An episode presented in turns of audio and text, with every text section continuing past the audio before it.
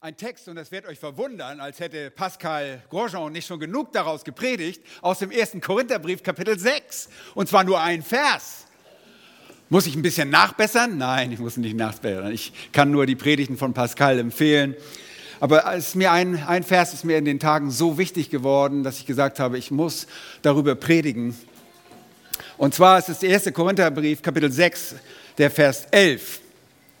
Und ich lese diesen Vers vor und da heißt es, und solche sind etliche von euch gewesen. Aber ihr seid abgewaschen, ihr seid geheiligt, ihr seid gerechtfertigt worden in den Namen des Herrn Jesus und in dem Geist unseres Gottes. Wenn ich gesagt habe, dass ich mich manchmal so verhalte wie ein Ungerechter, dann war das genau das, was bei den Korinthern auch der Fall war. Obwohl sie Heilige waren, obwohl sie Kinder Gottes waren, haben sie sich nicht ihrer Berufung entsprechend richtig verhalten. Sie haben nicht gelebt, wie es Gott gebührend war, sondern sie lebten wie Ungerechte. Mein Thema heute Nachmittag ist Ungerechte. Solche sind etliche von euch gewesen. Und damit meine ich jetzt nicht die Korinther, sondern euch ganz persönlich. Denn wir alle waren Ungerechte. Solche sind wir gewesen. Nun, manchmal entschuldigen wir unser Verhalten damit, dass wir halt so sind. Wir sind halt Diebe. Ich bin halt ein Dieb. Ich bin halt ein, ein mürrischer Mensch. Ich kann das leider nicht ändern.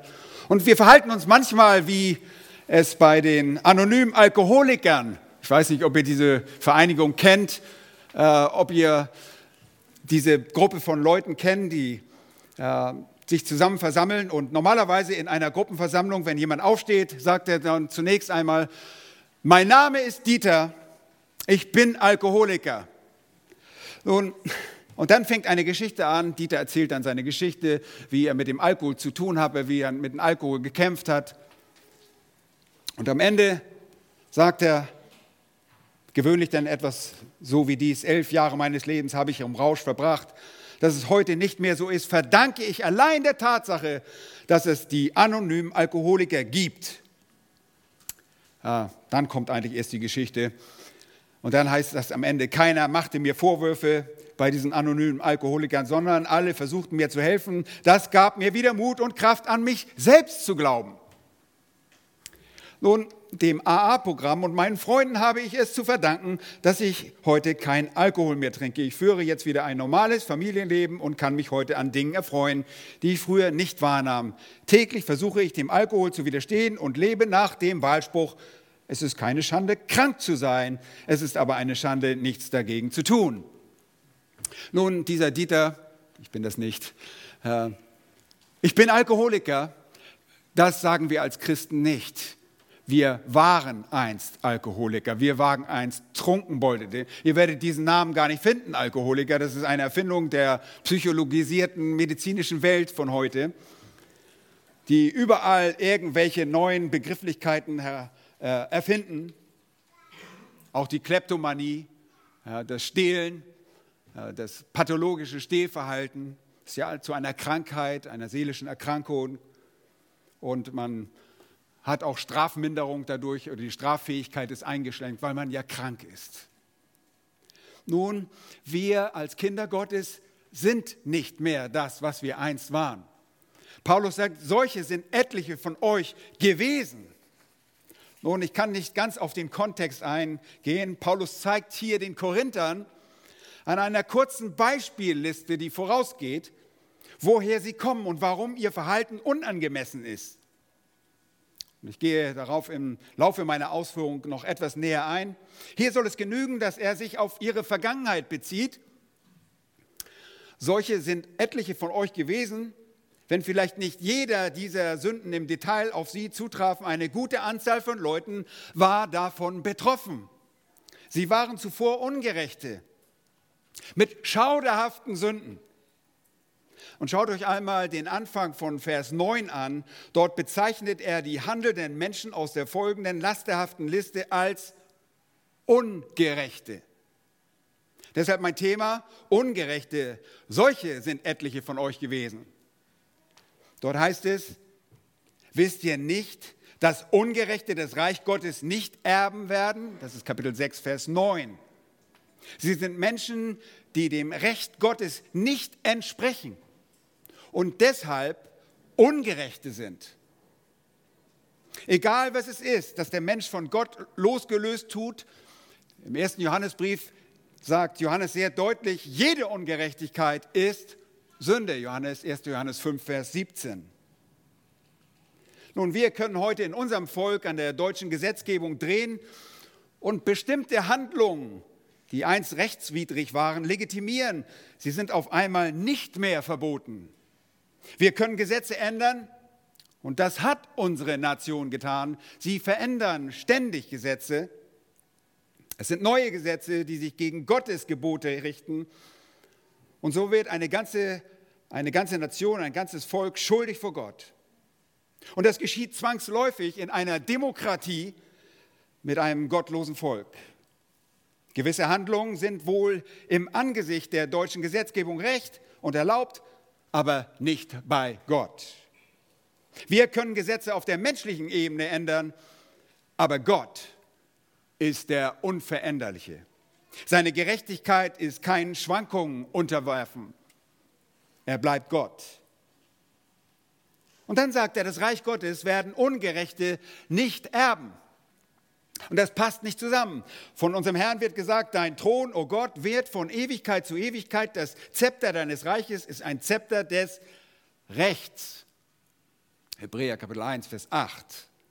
Der Ungerechte hat seinem Unrecht, mit seinem Unrecht keinen Raum im Reich des Gerechten, weil er ein Gottloser ist. Die Gottlosen sind abtrünnig von Mutterleib an. Die Lügner gehen auf dem Ehrweg von Geburt an, heißt es im Psalm 58, Vers 4. Paulus für ein paar prominente Ungerechtigkeiten, weist auf ein paar prominente Ungerechtigkeiten der Korinther hin. Aber letztlich, so erkennt das wahre Gotteskind, sind wir alle dort gewesen. Wir waren einst alle Ungerechte. Wir waren nicht jeder in, dieser, in diesen Kategorien von Sünden, obwohl du dich dabei vielleicht unterschätzt. Aber wir waren Ungerechte, die das Reich Gottes nicht erben würden. Nun, lasst uns einmal sehen, wie es hier weitergeht. Ich gehe gleich noch darauf ein, was es bedeutet, was wir waren. Aber das Zweite hier, was er sagt, ist, deine Gegenwart als Gerechter. Deine Gegenwart als Gerechter. Das wollen wir uns ansehen in Versen 11, den zweiten Teil. Aber ihr seid abgewaschen, aber ihr seid geheiligt, aber ihr seid gerechtfertigt worden in dem Namen des Herrn Jesus Christus. Nun, ihr seht dieses Aber nicht, die, nur einmal, und zwar in der Schlachter.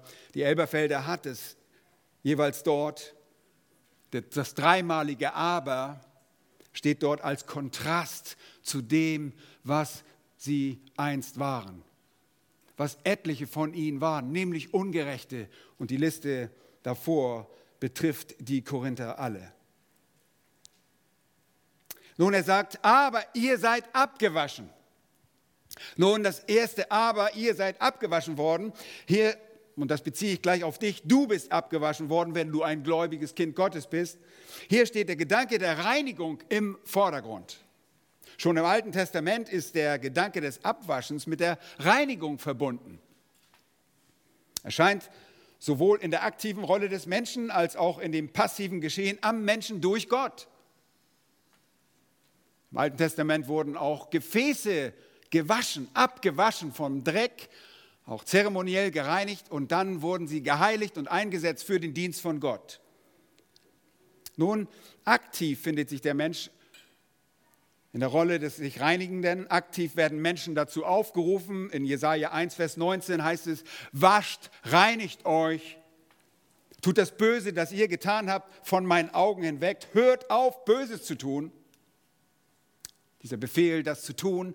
Auf der negativen bzw. auf der passiven Seite geschieht Reinigung an dem Menschen, dieses Abgewaschen. Und es wird geschehen, heißt es dort, jeder übrig gebliebene in Zion und jeder übrig gelassene in Jerusalem wird heilig genannt werden. Jeder, der zum Leben eingeschrieben ist in Jerusalem. Ja, wenn der Herr den Schmutz der Töchter Zions abgewaschen und die Blutschuld Jerusalems aus seiner Mitte hinweggetan hat durch den Geist des Gerichts und den Geist der Vertilgung. Jesaja 4, 3 und 4. Aktiv, Ananias sagt zu Paulus, und nun, was zögerst du? Ihr erinnert euch, Ananias begegnet ihn in Damaskus und er sagt zu ihm, steh auf, lass dich taufen, lass deine Sünden abwaschen. Okay, er muss aktiv werden, um etwas an sich geschehen zu lassen, nämlich die Abwaschung der Sünden durch den Herrn, indem du den Namen des Herrn anrufst. Und manchmal streiten sich Leute darüber, lehrt dies eine Taufwiedergeburt? Nein, es ist einfach bildhafte Sprache. Die Gewässer der Taufvorgänge sind nicht von reinigender Natur. Jesus hat die Gemeinde gereinigt. Dich und mich. Und Paulus sagt dazu, dass er sie gereinigt hat durch das Wasserbad im Wort. Epheser 5, 9 und 26. Und so drückt Paulus das auch Titus gegenüber aus in den bekannten Versen aus Titus Kapitel 3, die Verse 4 und 5. Da heißt es, als aber die Freundlichkeit und Menschenliebe Gottes, unseres Retters erschien, da hat er uns nicht um der Werke der Gerechtigkeit willen, die wir getan hätten, sondern aufgrund seiner Barmherzigkeit Errettung durch das Bad der Wiedergeburt. Nun, Bad der Wiedergeburt trägt dieses passive Element der Reinigung. Bad der Wiedergeburt ist nicht die Taufe. Bitte kommt nicht durcheinander. Diese Ausdrucksweise ist metaphorisch, es ist eine bildhafte Ausdrucksweise, die den reinigen Charakter des Wortes Gottes aufzeigt. Ich habe das beim, äh, am letzten Sonntag kurz angedeutet. Wer gehört zu der geistlichen Familie Gottes? Das sind diejenigen, die auf das Wort Gottes hören und die durch das Wort Gottes verändert wurden. Wir werden durch dieses Wort gereinigt. Wir sehen auf einmal, wer wir sind und dieses Wort veranlasst, dass wir entsprechend handeln. In der Unterstützung des Geistes, der uns zieht, dass wir uns verändern. Das Wort Gottes ist das Mittel, das uns überführt und uns zum Leben bringt. Und wir sehen allerdings, dass die Taufe auch diese Symbolik des Abwaschens trägt, wie es auch aus den Worten des Ananias zu Paulus deutlich hervorgeht. Und Pascal wies da auch am letzten Sonntag darauf hin, als Gideon und David Elia sich taufen ließen. Niemals hat das physische Abwaschen, das Ritual des Untertauchens und Abspülens eine reinigende Wirkung im Innern des Menschen. Dadurch werden nicht die Sünden weggewaschen. Das wäre Hokuspokus, wenn wir sowas glauben würden. Es steht symbolisch für die Vergebung, die durch Gott geschehen ist und lässt diese sehr plastisch vor unseren Augen beim Bezeugen einer Taufe werden. Wenn die Täuflinge dort stehen, bekunden sie, was in ihnen geschehen ist, nämlich, dass ihre Sünden bereits abgewaschen sind. Dazu bekennen sie sich. Sie identifizieren sich mit ihrem Retter. Nun, predige hier fast nur über Pascal, merke ich gerade, aber Pascal hat uns über Monate und Jahre immer wieder gesagt, was das Problem in Korinth war. Stimmt's? Hier in diesem Kapitel spricht Paulus das ungerechte Handeln der Brüder gegeneinander an. Was haben sie getan? Sie führten einander vor Gericht, und zwar ein Gericht, das von Ungerechten ausgeführt werden sollte. Seht mal Vers 1. Schaut mal in den Text. Da heißt es, wie kann jemand von euch, der eine Beschwerde gegen einen anderen hat, sich bei den Ungerechten richten lassen, anstatt bei den Heiligen? Das geht nicht. Wir gehen doch nicht für das Richten als solche, die Gott kennen, zu denen, die ihn nicht kennen, die die Ungerechten sind. Das macht keinen Sinn. Paulus zeigt auf, dass wir selbst in dem Gericht über die Welt und die Engel beteiligt sein werden und deshalb sollten wir in der Lage sein, auch in unseren Angelegenheiten, die ein, die ein Richten brauchen, in die eigenen Angelegenheiten, miteinander das gerechte Urteil sprechen. Paulus ist entsetzt darüber, dass ein Bruder mit dem anderen einen Rechtsstreit führt und das vor Ungläubigen, vor den Ungerechten. Schaut in Vers 6. Ich lese ab Vers 5. Zur Beschämung sage ich es euch. Demnach ist also nicht ein einziger Weiser unter euch. der ein unparteiisches Urteil fällen könnte für seinen Bruder, sondern ein Bruder führt Rechtsstreit mit dem anderen und das vor Ungläubigen. Unerhört. Vers 7. Es ist ja überhaupt schon ein Schaden unter euch, dass ihr Prozesse miteinander führt. Warum lasst ihr euch nicht lieber Unrecht tun? Warum lasst ihr euch nicht lieber übervorteilen? Stattdessen übt ihr Unrecht. Leute, die Unrecht üben, sind Ungerechte. Das gehört zu den Ungerechten. Das gehört nicht zu euch. Ihr wart eins Ungerechte. Stattdessen übt ihr Unrecht und Übervorteil und dies gegenüber Brüdern. Auf diesen Dingen baut er auf, um zu zeigen, dass ihr Verhalten nicht zu ihnen passt. Sie sollten nicht Unrecht handeln, denn die Ungerechten, so Paulus, würden das Reich Gottes nicht erben. Und dabei führt er eine kleine Liste dieser Ungerechtigkeiten an und er sagt, schaut wieder in den Text bitte, Verse 9 und 10, weder Unzüchtige noch Götzendiener, weder Ehebrecher noch Weichlinge, noch Knabenschänder, weder Diebe, noch Habsüchtige, noch Trunkenbolde, noch Lästerer, noch Räuber werden das Reich Gottes erben. Hm. Anonyme Alkoholiker, du bist vielleicht zum Glauben gekommen und du stehst auf, ich bin ein Trunkenbold. Nun, Trunkenbolde werden was? Sie werden das Reich Gottes nicht erben. Das gehört zu den Ungerechten. All diese Dinge, die es hier in Korinth gab, sind uns nicht nur in unserer Gesellschaft bekannt. Wir kennen diese Ungerechtigkeiten in jedem Ansatz auch in unserem eigenen Leben. Es sei denn, dass du ein Heuchler bist, dann sind sie dir natürlich sehr fremd und werden dir auch fremd bleiben, es sei denn, dass Gott dir die Augen für deine Ungerechtigkeiten öffnet oder bereits geöffnet hat. Wir alle waren Ungerechte. Auch wenn du vielleicht nicht einen Banküberfall geplant oder durchgeführt hast, so bist du bzw. warst du ein Räuber. Ich war kein Räuber. Ich war doch kein Räuber. Ich bin doch kein Räuber. Kann doch nicht sein. Du hast sogar Schlimmeres getan, als eine Bank zu rauben. Du hast mit deinem Leben als Ungerechter die Ehre Gottes geraubt. Was kann denn noch schlimmer sein als das? Bankraub, dort beklaust du nur Menschen. Aber wenn du jemand die Ehre Gottes raubst, und das mag dir vielleicht nicht bewusst sein, aber wie sagt man, Unwissenheit schützt für Strafe nicht. Es ist so. Du hast Gott die Ehre geraubt als ein gottloser Mensch, als ein Ungerechter. Und für uns, die wir gerettet sind, passt es auch nicht, ihm die Ehre zu stehlen. Es ist so. Und wahrscheinlich möchtest du, dass ich an dieser Stelle nicht noch mehr von dir erzähle, oder? Nun, ich kann das auch mit der Habsucht fortsetzen, wenn du das möchtest. Du bist ein Mensch von Natur aus süchtig danach, Anerkennung zu finden. Du bist habsüchtig. Ich doch nicht, doch nicht. Doch du. Warum weiß ich das? Weil ich das auch war. Und wir kämpfen immer noch sogar als Christen damit. Du bist ein Mensch, der süchtig nach Anerkennung ist. Du begehrst die Ehre, die dir nicht zusteht. Stolz ist nichts anderes als das. In deinem Stolz hast du nicht an Gott gedacht. Er hat keinen Raum in deinen Gedanken. Dabei ist er der Schöpfer und Erhalter aller Dinge und war so freundlich zu dir. Er ist sogar jetzt noch zu den Ungerechten gegenüber den Ungerechten gnädig. Denn er lässt seine Sonne aufgehen, sagt Jesus in der Bergpredigt, über Böse und Gute und er lässt es regnen über Gerechte und Ungerechte. Matthäus 5, 45. Siehst du, was für ein Räumer, Räuber und Habsüchtiger du warst oder vielleicht noch bist, wenn du Gott nicht kennst?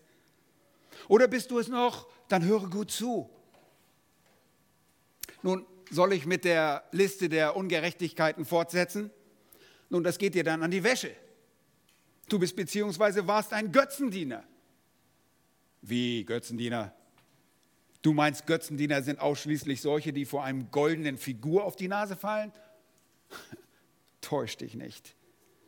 Wenn ich schon von deiner Habsucht gesprochen habe, dann habe ich auch deinen Götzendienst bewiesen.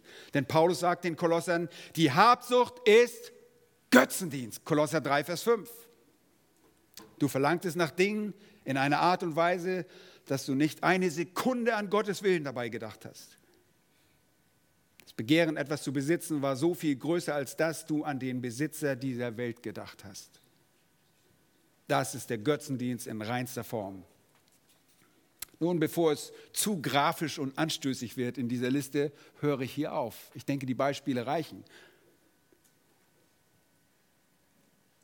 Außerdem spricht die Zeit nicht dafür, das ist immer mein Trost, dass wir hier fortsetzen. Die gute Nachricht ist, dass uns vergeben worden ist und dass uns vergeben werden kann. Dir kann vergeben werden. Und das ist das Erste, was hier steht. Wir sind was? Aber wir sind abgewaschen. Ist das nicht wunderbar? Wir sind gereinigt worden. Diese Ungerechtigkeiten, diese Unreinheiten, die uns ver, verdreckt haben, die uns besudelt haben, die sind abgewaschen, wenn wir Kinder Gottes geworden sind. Denn 1. Johannes sagt, 1 Vers 9, wenn wir unsere Sünden bekennen, so ist er treu und gerecht, dass er uns die Sünden vergibt und reinigt uns von aller Ungerechtigkeit. Seht ihr, ihr warten Ungerechtigkeit und ihr müsst gereinigt werden von aller Ungerechtigkeit. Nicht nur ein paar. Eine einzige Ungerechtigkeit reicht, um dich in die ewige Hölle zu verdammen. Das reicht aus. Aber wir durften zu Gott kommen die Korinther durften zu Gott kommen und sagten, das macht keinen Sinn, was ihr macht. Ihr, ihr verhaltet euch gegen, gegen eure Berufung, gegen das, was ihr eigentlich wirklich seid. Paulus sagt einmal im Römerbrief Kapitel 7, sagt er, wenn ich sündige, der sündige ich nicht selbst. Das bin ich gar nicht selbst. Das ist nicht meine neue Natur. Das bin ich nicht mehr. Sünde passt nicht zu meinem neuen Menschen. Er sagt, wenn ich aber das tue, was ich nicht will, so vollbringe nicht mehr ich es, sondern die Sünde, die in mir wohnt. Das gehört nicht zu meinem neuen Menschen. Das ist mein Fleisch. Und damit will er sich nie entschuldigen. Aber das ist die Wahrheit. Wir sind neue Kreaturen. Und als neue Kreaturen sollten wir in dem wandeln, wozu wir bestimmt sind. Solche Ungerechten sind wir gewesen.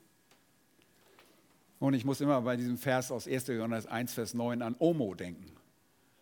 Omo?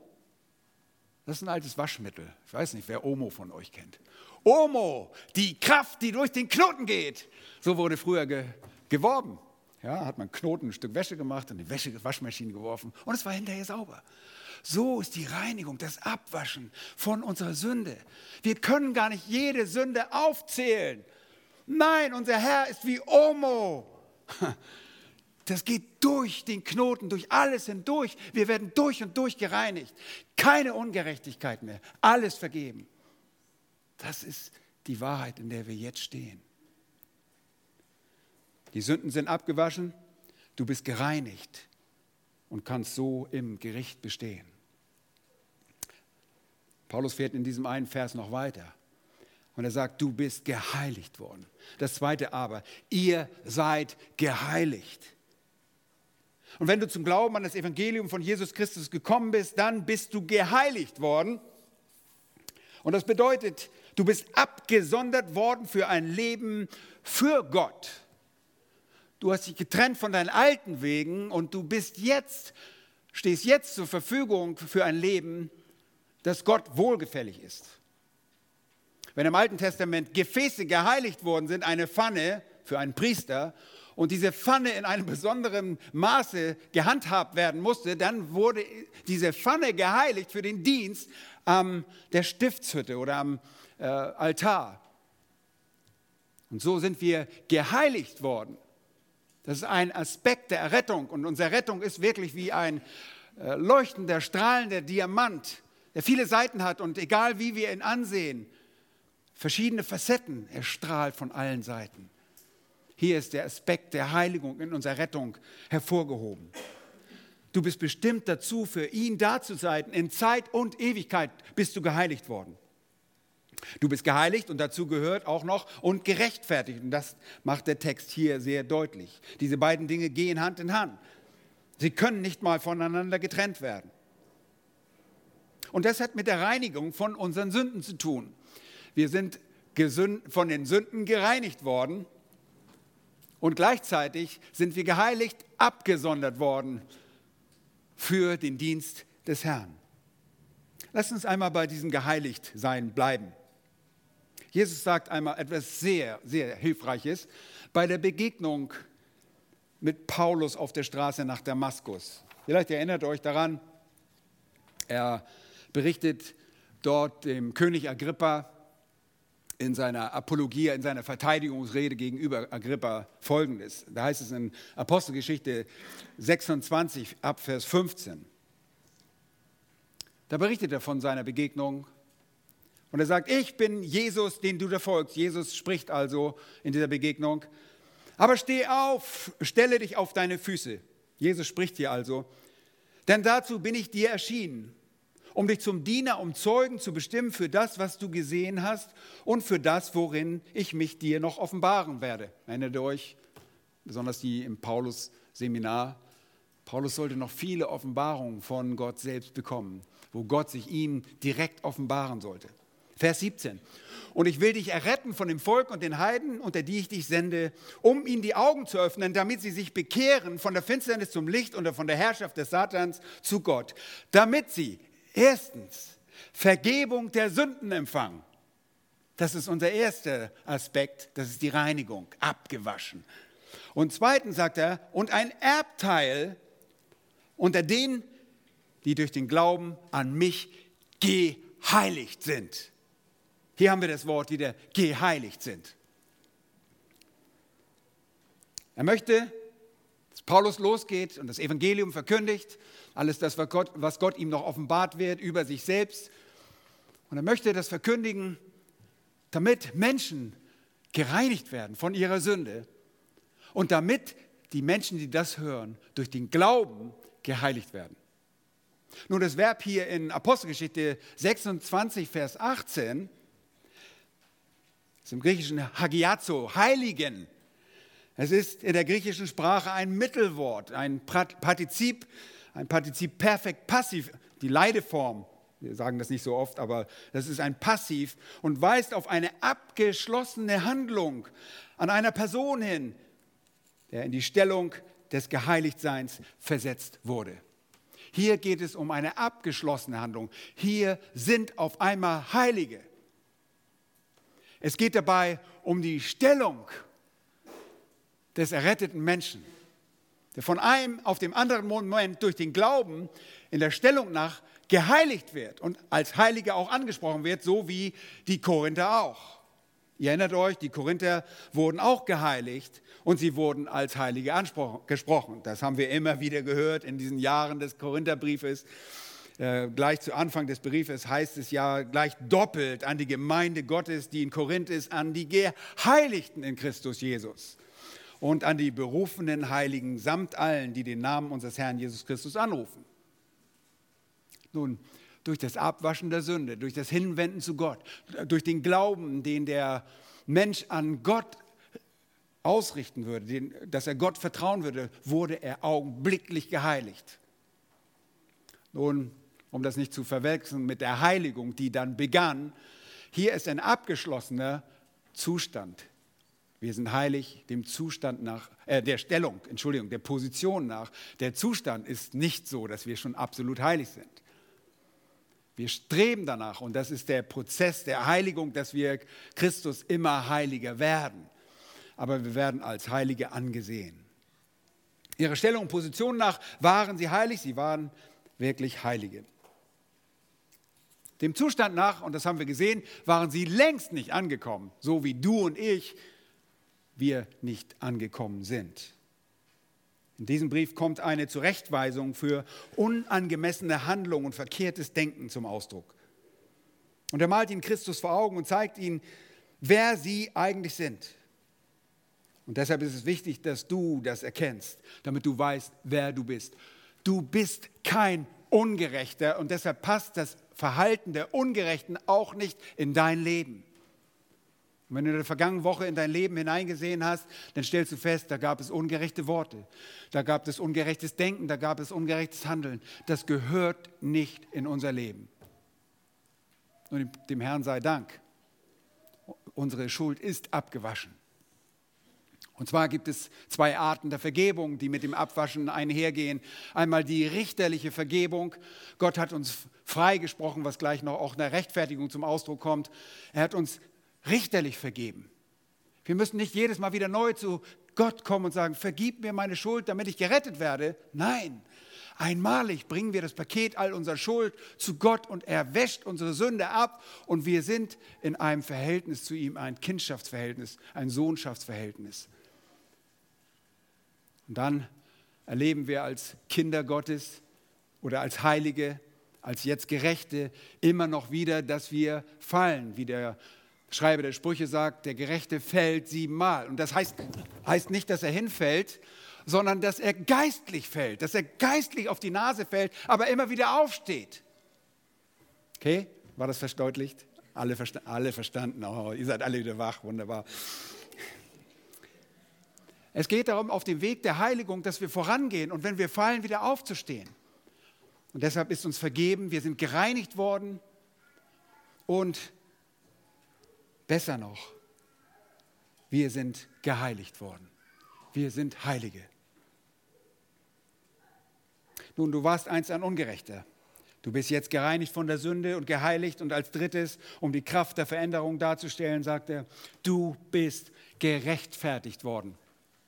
Übrigens, jedem Prediger geht es so, aus diesen drei Punkten könnte man jeweils eine einzelne Predigt machen. Ich versuche das einfach in einer kurzen Zeit zusammenzufassen. Das dritte aber, ihr aber, aber ihr seid gerechtfertigt worden. Ihr seid nicht mehr solche. Ihr seid nicht mehr Ungerechte. Ihr seid gerechtfertigt worden. Und zwar in dem Namen des Herrn Jesus und in dem Geist unseres Gottes. Und das Thema der Rechtfertigung ist sehr umfangreich. Ich möchte euch kurz zeigen. Er benutzt an dieser Stelle juristisch-forensische Sprache. Das ist die Sprache des Gerichts und der Rechtsprechung. Wenn ihr mal vor Gericht wart oder einer Gerichtsverhandlung beigewohnt habt, dann wisst ihr, wovon er jetzt spricht. Die Sprache setzt voraus, dass die Korinther ihren einzigen Zustand, ihren natürlichen Zustand ohne Gott in ihrem Leben wohl verstanden hatten.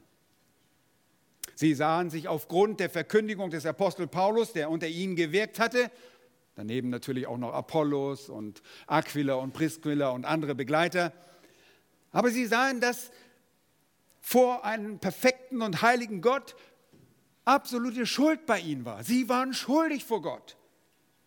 Der Mensch, der Gott in seinem unerretteten Zustand immer wieder auf seine Anklagebank setzt, muss korrigiert werden. Kennt ihr das aus Gesprächen? Dass Menschen Gott anklagen. Wie kann Gott das zulassen? Ja, die setzen ihn immer auf die Anklagebank. Der Mensch und die Korinther müssen auch korrigiert werden. Und das tat Paulus und seine Mitarbeiter durch die Verkündigung der Wahrheit. Die Korinther, die nicht damals nicht errettet waren auf den Missionsreisen, die mussten das Wort Gottes hören, sie mussten die Wahrheit hören. Und bei der Verkündigung des Wortes Gottes kommt es sehr schnell zum Vorschein, dass nicht Gott auf die Anklagebank des Menschen gehört, sondern dass der von Gott schuldige Mensch bereits auf der Anklagebank Gottes sitzt. Du sitzt da. Wenn du Gott nicht kennst, dann wirst du von Gott angeklagt. Und mit dieser Begrifflichkeit aus dem Rechtswesen, der Gerichtbarkeit, der Gerichtsbarkeit, wird klar, dass hier in dieser Bibelstelle von Schuld und Rechtsprechung die Rede ist. Und der Begriff gerechtfertigt bezieht sich auf gerecht machen oder gerecht sprechen, besser als gerecht deklarieren. Und dazu wurden Dazu wurden den Korinther zuvor bekannt, dass der Mensch gegenüber der Gerechtigkeit Gottes es wurde ihnen bekannt gemacht, dass sie gegenüber der Gerechtigkeit Gottes und seinen Anforderungen, wie sie im Gesetz zum Ausdruck kommen, nicht nachkommen konnten. Sie fehlten, sie waren schuldig vor Gott. Sie, du und ich sind schuldig und waren schuldig. Den Maßstaben des Gesetzes konnten wir nicht gerecht werden. Wir sind im Innersten von Mutterleib an verdorben und sind schuldig am Gesetz unseres heiligen Gottes. Und Paulus schreibt dies auch den Römern sehr deutlich auf. Da sagt er in Römer 3 und Vers 19 und 20, wir wissen, dass das Gesetz alles, was es spricht, zu denen sagt, die unter dem Gesetz sind, damit jeder Mund verstopft werde und alle Welt vor Gott schuldig sei. Das Anliegen des Gesetzes war, uns aufzuzeigen, dass wir vor Gott schuldig sind. Und die Begründung dafür ist, weil aus Werken des Gesetzes kein Fleisch vor ihm gerechtfertigt werden kann. Denn durch das Gesetz kommt Erkenntnis der Sünde. Ja, wir haben auf einmal gesagt, das sollst du nicht tun, jenes sollst du nicht tun, das hast du nicht zu tun. Und was haben wir getan? Wir haben alle Gesetze übergestoßen, äh, gebrochen. Keiner konnte den Anforderungen des Gesetzes gerecht werden. Wir verfehlen uns in den Anforderungen gegenüber des, äh, diesem Kodex Gottes. Uns wird durch diese Dinge bewusst, nur bewusst, wer wir vor Gott sagt, sind. Wir sitzen auf der Anklagebad Gottes. Paulus sagt, dass alle Welt schuldig sei. Und wir haben gehört, dass jemand, der sich Gott zuwendet, abgewaschen wird von seiner Sünde, dass er geheiligt wird und dass er gerechtfertigt wird. Lass uns nochmal dabei bleiben. In einem Gericht werden Schuldige verurteilt. Wir sind nun als Schuldige dort im Gericht, der, auf der Anklage bei Gottes.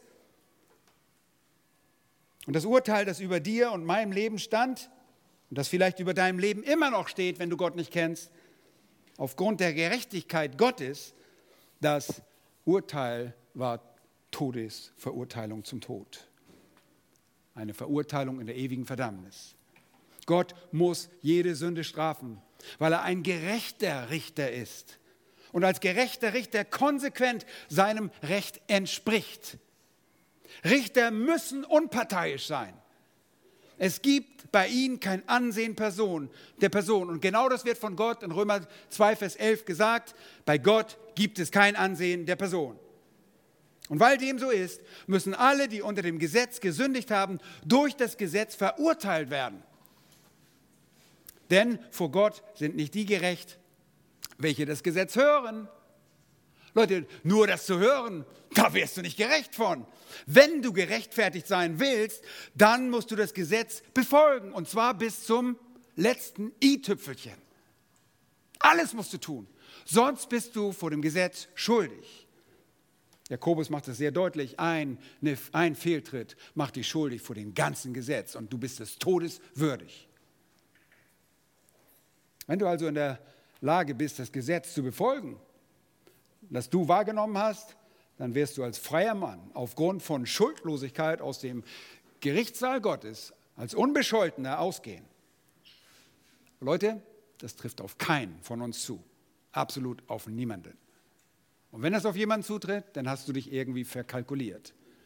Und du wirst eines Tages mit großen Augen dort stehen, wenn du ein verdammendes Urteil hörst von Gott.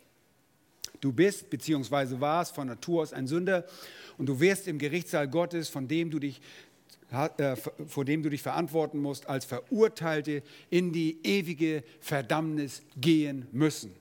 Die Schrift sagt in Hebräer 9, Vers 27, es ist den Menschen bestimmt, einmal zu sterben, danach das Gericht. Leute, das ist eine sehr ernste Botschaft. Dieses Gericht wird ohne Barmherzigkeit vor dem großen weißen Thron stattfinden. Johannes berichtet davon in der Offenbarung Kapitel, 1, in Kapitel 20. Und dort sagt er in den Versen 12 und folgenden, und ich, das ist Johannes, sah die Toten, kleine und große, vor Gott stehen und es wurden Bücher geöffnet. Und ein anderes Buch wurde geöffnet, das ist das Buch des Lebens und die Toten wurden gerichtet gemäß ihren Werken, entsprechend dem, was in den Büchern geschrieben stand. Und das Meer gab die Toten heraus leben. Einige lassen sich See, durch eine See bestatten, äh, auf der See bestatten, weil sie denken, oh, so wird mich niemand finden. Meine Asche wird nicht wieder zusammenkommen. Doch hier, das Meer gab die Toten heraus, die in ihm waren. Und der Tod und das Totenreich gaben die Toten heraus, die in ihnen waren. Und sie wurden gerichtet und ein jeder nach seinen Werken. Und der Tod und das Totenreich wurden in den Feuersee geworfen. Das ist der zweite Tod, der ewige Tod. Und wenn jemand nicht in dem Buch des Lebens eingeschrieben gefunden wurde, so wurde er in den Feuersee geworfen. Ihr Lieben, wer hat das verdient? Du und ich. Die Korinther, so wie du und ich. Und wie nun konnten die Korinther, die ja genau solche Sünder und Ungerechte waren, gerechtfertigt sein? Wie konnte das sein? Gott sollte sie reinigen. Er sollte sie heiligen er hatte sie von ihren Sünden abgewaschen und er sollte sie zudem gerecht sprechen. Alles Aspekte dieser wunderbaren Erlösung. Nochmals, Römer 2, Vers 13, gerecht vor Gott sind nicht welche, die das Gesetz hören, sondern es tun. Wer hat das Gesetz von uns getan? Keiner. Wer tat es für uns? Jesus Christus. Er erfüllte das Gesetz bis ins i-Tüpfelchen. Er erwirkte uns eine Gerechtigkeit, die wir nicht erwirken konnten, die wir nicht erlangen konnten. Wir brauchen eine Gerechtigkeit, die außerhalb unser Selbst liegt. Und sie liegt allein in Jesus Christus. Wir alle, so macht Paulus das deutlich, haben die Herrlichkeit verfehlt, die wir bei ihm haben sollten. Das war nicht eine Option, die wir haben sollten, naja, so, die wir haben müssen. Wir verfehlen diese Herrlichkeit.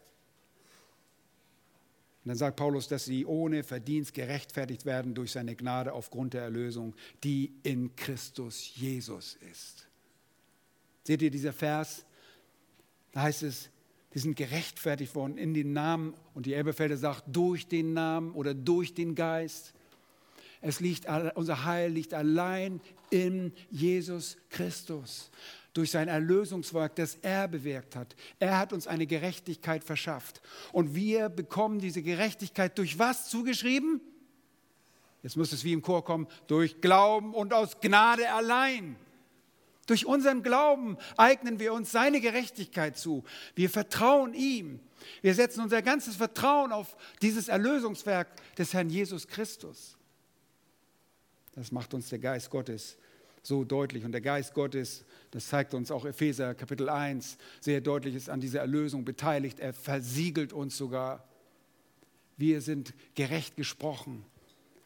Wir gehen aus dem Gerichtssaal Gottes hervor. Der Richter, der Gott selbst ist, sagt, du bist frei aufgrund deines Glaubens an das Erlösungswerk Jesu Christi. Dass der Geist Gottes in dir gewirkt hat, gehst du frei aus. Wunderbar, nochmal zu Titus. Welche Rolle spielt dabei Jesus und der Heilige Geist? Schaut euch einmal Titus 3 an. Wir waren schon beim Vers 5, aber wir lesen das nochmals. Da hat er uns nicht um der Werke der Gerechtigkeit, die wir getan hätten. Nochmals, wir konnten das nicht, unsere Werke waren keine Gerechtigkeit, sondern aufgrund seiner Barmherzigkeit errettet durch das Bad der Wiedergeburt, durch die Erneuerung des Heiligen Geistes. Der Heilige Geist war daran beteiligt. Er hat sein Werk getan in unserem Leben. Er hat uns überführt von der Sünde. Das ist sein Auftrag. Jesus hat gesagt, wenn der Geist Gottes kommen wird, er wird die Welt von der Sünde überführen. Das hat er in uns getan. Und er hat uns überführt, dass wir einen Erlöser brauchen. Vers 6 sagt er von dem Heiligen Geist, den er reichlich über uns ausgegossen hat, durch Jesus Christus, unseren Retter, damit wir durch seine Gnade gerechtfertigt, der Hoffnung gemäß Erben des ewigen Lebens würden. Und hier schließt sich der Kreis. Seht ihr, wir sind gerechtfertigt und der Hoffnung gemäß Erben des ewigen Lebens sein würden. Paulus sagt im Korintherbrief im, ersten Kapitel 6, dass die Ungerechten nicht das Reich Gottes erben würden. Wir sind durch das Abwaschen der Sünde, durch das Geheiligtsein und durch diesen Akt des Freigesprochenseins, der Rechtfertigung, gehen wir frei aus dem Gerichtssaal Gottes und wir werden Erben des Reiches sein. Schon jetzt hat die Herrschaft angefangen, aber wir werden das irdische Reich, wir werden mitherrschen mit Christus auf dieser Erde, tausend Jahre lang und für immer. Und das ist die wunderbare Nachricht. Ungerechte, solche seid ihr eins gewesen. Jetzt aber sind wir abgewaschen, geheiligt.